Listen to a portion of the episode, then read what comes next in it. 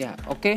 Uh, sekarang kita coba mengamati uh, draft Undang-Undang Nomor 40 Tahun 99 tentang pers uh, yang sudah ada sebagai landasan atau yang yang yang sudah dipakai sebagai landasan yuridis formal dari seluruh aktivitas pers.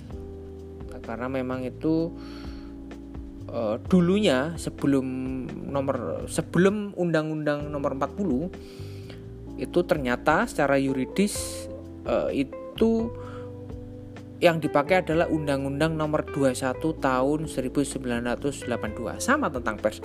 Tapi ternyata kemudian sekarang diubah ya, diubah menjadi Undang-Undang Nomor 40. Nah, memang karena ya mungkin ada beberapa pasal, ada beberapa poin yang yang apa namanya, yang kemudian ditinjau kembali dan kemudian direvisi sehingga uh, semua pada akhirnya diharapkan bertujuan untuk apa ya untuk kebaikan uh, proses atau kebaikan ini kehidupan pers di Indonesia.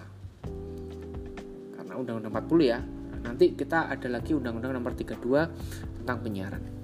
Sekarang kita coba sedikit membreakdown melihat draftnya. Uh, di sana sudah jelas ya ada nanti uh, silakan untuk dicek ulang. Ada pasal 1 pasal 1 itu berisi tentang uh, definisi pers. Kan pasal 1 itu ada pers itu apa? Itu disebutkan. Pers adalah lembaga sosial dan wahana komunikasi massa yang melaksanakan kegiatan jurnalistik.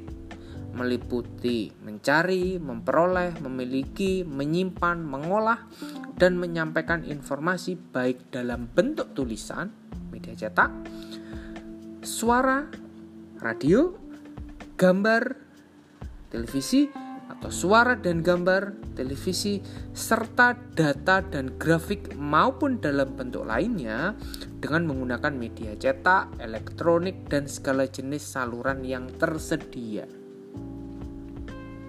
Itu poin yang pertama di pasal 1 tentang definisi pers. Ya berarti kalau kita ingin mendirikan sebuah lembaga pers, ya harus sesuai dengan itu. Diterjemahkan dari definisi itu tadi. Karena bagaimanapun harus acuannya harus undang-undang ini. Kemudian yang kedua, pers adalah badan hukum, ya kan? Menyelenggarakan usaha pers, media cetak, elektronik atau kantor berita, perusahaan media yang lainnya yang secara khusus menyelenggarakan, menyiarkan atau menyalurkan informasi. Kemudian ada juga definisi tentang kantor berita. Jadi di pasal 1 ada sekitar uh, eh, 14 poin. Pasal 1 ada 14 poin, 14 nomor berisi tentang definisi pers, perusahaan pers, kantor berita, wartawan, organisasi pers, kemudian ada definisi dari pers nasional, pers asing, konsep ya, ini konsep semua. Kemudian ada yang namanya konsep penyensoran itu seperti apa, kemudian ada konsep pemberedelan atau pelarangan siaran, ada juga konsep hak tolak, hak jawab, hak korelasi, kewajiban, dan poin terakhir ada poin tentang kode etik jurnalistik. Kode etik jurnalistik adalah himpunan etika profesi kewartawanan terkait yang mengatur gerak dari wartawan. Wartawan boleh ngapain, apa yang boleh, apa yang enggak, apa yang dilarang. Itu pasal 1. Kemudian uh, pasal 2, ay sorry, kok pasal 2? bab 2 tadi itu kan bab 1 ya? Bab 1 ketentuan umum isinya adalah pasal 1 itu definisi. Pasal 1 poin 1 poin 2 nanti silahkan dicek. Nah bab 2 ada asas fungsi hak dan kewajiban peranan pers. Pasal 2 tentang konsep kemerdekaan pers konsep kemerdekaan pers adalah salah satu wujud kedaulatan rakyat yang berdasarkan atau berasaskan prinsip-prinsip demokrasi, keadilan, dan supremasi hukum. Ini memang bahasanya sih ya bahasa ini ya, bahasa yuridis semua ya, bahasa hukum semua ya. Ya teman-teman kita semua tahu lah ya pasal-pasal bahasanya itu seperti apa gitu kan. Memang ya karena memang bahasanya itu lugas, uh, jadi ya ya semua ketentuan yang yang produk dari undang-undang, produk dari hukum memang ya harus menggunakan bahasa yang lugas, tidak boleh multi tafsir gitu kan. Itu pasal 2 ya. Kemudian ada pasal 3 tentang fungsi pers nasional, kemudian tugas pers, pers nasional itu seperti apa.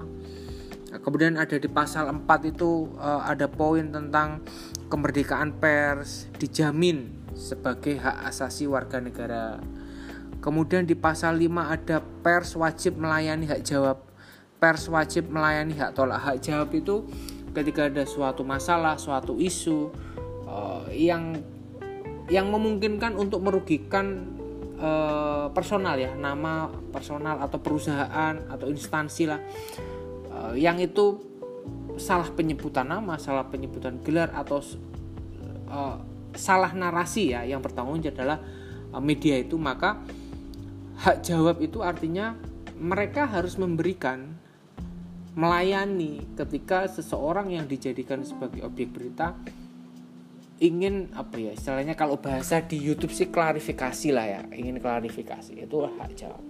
Menjawab tuduhan menjawab isu itu mereka harus melayani kemudian di pasal 6 juga ada pers nasional peranannya seperti apa nah, itu itu itu di bab 2 Kemudian di bab 3 teman-teman ada uh, mengupas tentang wartawan. Uh, pasal 7 wartawan bebas memilih organisasi wartawan. Uh, misalnya AJI Asosiasi uh, Jurnalis Indonesia atau dia mau ikut uh, apa namanya? Uh, PWI Persatuan Wartawan Indonesia atau ikut yang lain itu boleh. Jadi tidak terikat. Kemudian yang kedua, wartawan memiliki dan mentaati KIJ, kode etik jurnalistik. Uh, di pasal 8 itu wartawan uh, mendapat perlindungan hukum. Namun kan kondisi di lapangan kan tidak seperti itu. Sering kita temui kasus-kasus kekerasan terhadap wartawan gitu kan.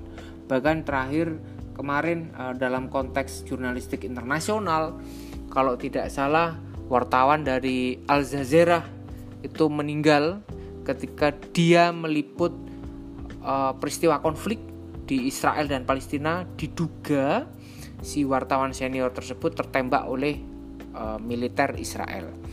Itu sempat mencuat kasusnya, uh, kemudian uh, apa namanya himpunan wartawan juga melayangkan uh, protes serupa terhadap kalau tidak salah PBB karena memang dalam kondisi perang itu sipil wartawan medis itu tidak boleh di di di diapa-apakan gitu kan. Mereka tidak ter, tak tersentuh gitu kan. Mereka harus ya kalau mau nembak harus sesama militernya gitu kan.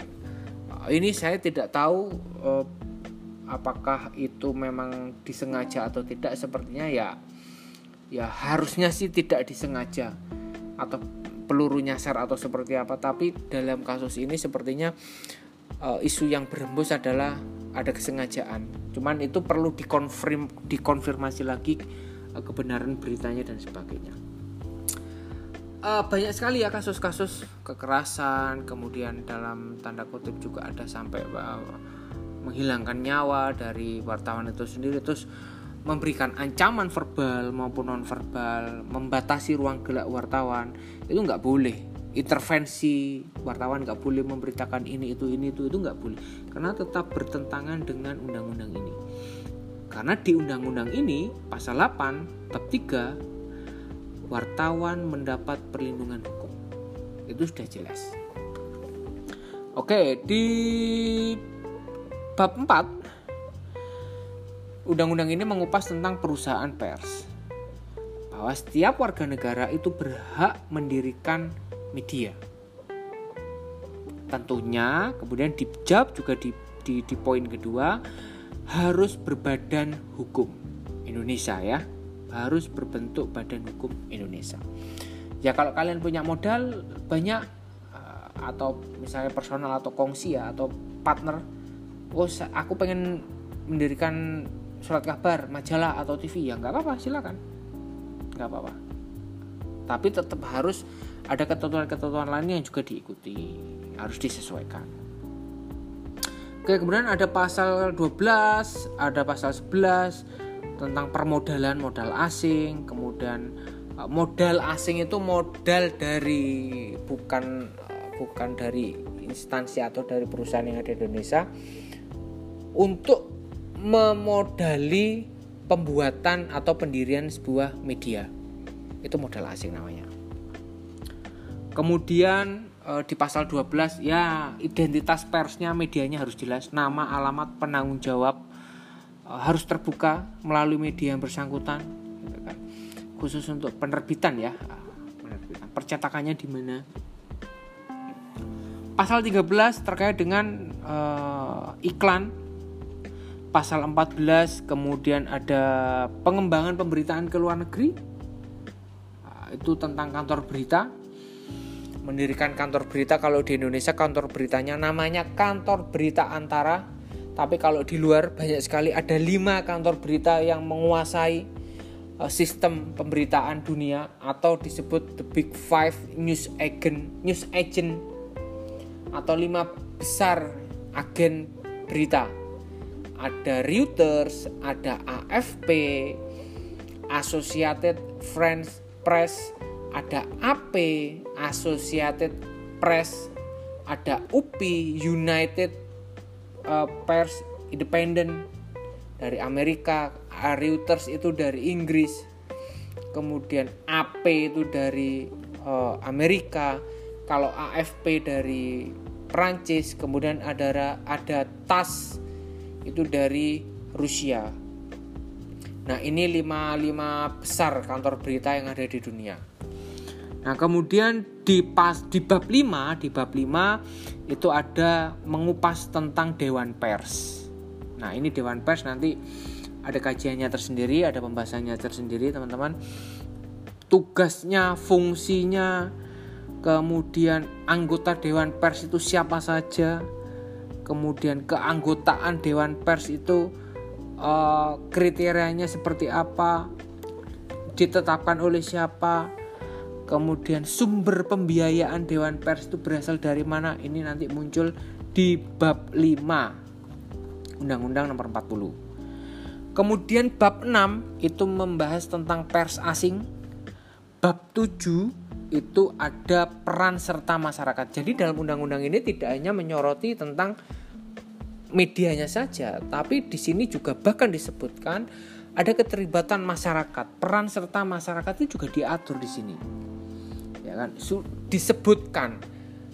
Ini kan akhirnya seperti yang dulu saya katakan bahwa sebenarnya undang-undang terkait dengan kebebasan pers ini ya sebenarnya untuk semua tidak hanya untuk pers tapi untuk halayak untuk masyarakat sendiri kita bisa berpartisipasi tapi diatur dibatasi juga gitu kan tapi di sisi lain kita mendapat perlindungan dengan adanya undang-undang ini akhirnya pers tidak semena-mena pers tidak bikin hoax pers tidak membuat informasi uh, yang melenceng, pers tidak uh, berkepentingan terhadap satu kelompok. Akhirnya masyarakat mendapat keuntungan yaitu apa? Ya diharapkan mendapatkan informasi-informasi yang mendidik, ada pesan moralnya, tidak bohong, tidak pencemaran nama baik, tidak kemudian apa ya berita-berita yang memiliki tensi uh, kalau dalam politik itu misalnya keberpihakan terhadap A, keberpihakan terhadap B. Nah, semuanya sifatnya dinamis. Itulah keuntungan dari kita masyarakat sebagai halayak ketika pers itu juga diatur. Kemudian yang bab ke-8 kalau tidak salah ada ketentuan pidana lah. Di sini ada ada semacam punishment ya ketika misalnya uh, kalau di poin satu itu pasal 18 melawan hukum dengan sengaja uh, ketika misalnya menghambat atau e, menghalangi pelaksanaan pers atau intervensi ya kan? Itu ada hukumannya. Kemudian ketika perusahaan pers melanggar kode etik atau atau melanggar pasal 5 itu tentang apa ya? Pasal 5 misalnya uh, tentang sebentar pasal 5 itu tentang uh, norma memberitakan peristiwa dan opini dengan menghormati norma agama dan rasa kesusilaan masyarakat. Nah, ketika pers meng, me, apa, melanggar itu maka ya tentu saja ada punishmentnya, ya kan? Misalnya denda atau pidana paling banyak 500 juta dan sebagainya. Kemudian yang bab uh, ke-9 uh, itu tentang ketentuan peralihan uh, itu terkait dengan ini ya, apa namanya? eh, ketentuan untuk pelaksanaan undang-undang itu sendiri. Eh, artinya kapan diberlakukan undang-undang itu ketika pers baru mulai dibentuk. Nah, kemudian ada bab ke-10 itu tentang uh, ketentuan penutup sih. Itu itu apa namanya? Uh, misalnya perubahan undang-undang. Jadi semacam flashback ya dulu undang-undang e, nomor 40 itu sebelumnya itu undang-undang apa? Nomor 11, kemudian beralih menjadi undang-undang nomor 21, kemudian beralih lagi menjadi eh, undang-undang nomor 4. Kemudian sekarang eh, undang-undang nomor 40 tahun 99. Itu itu e, saya rasa untuk bab yang ke 9 10 ini itu tidak begitu krusial karena ini menyangkut teknis undang-undangnya tapi yang mulai bab 1 sampai bab 8 saya rasa ini yang perlu dicermati. Nah, itu kira-kira teman-teman ini penjelasan sekilas e, penjelasan tentang draft undang-undang nomor 40 tahun 99 tentang pers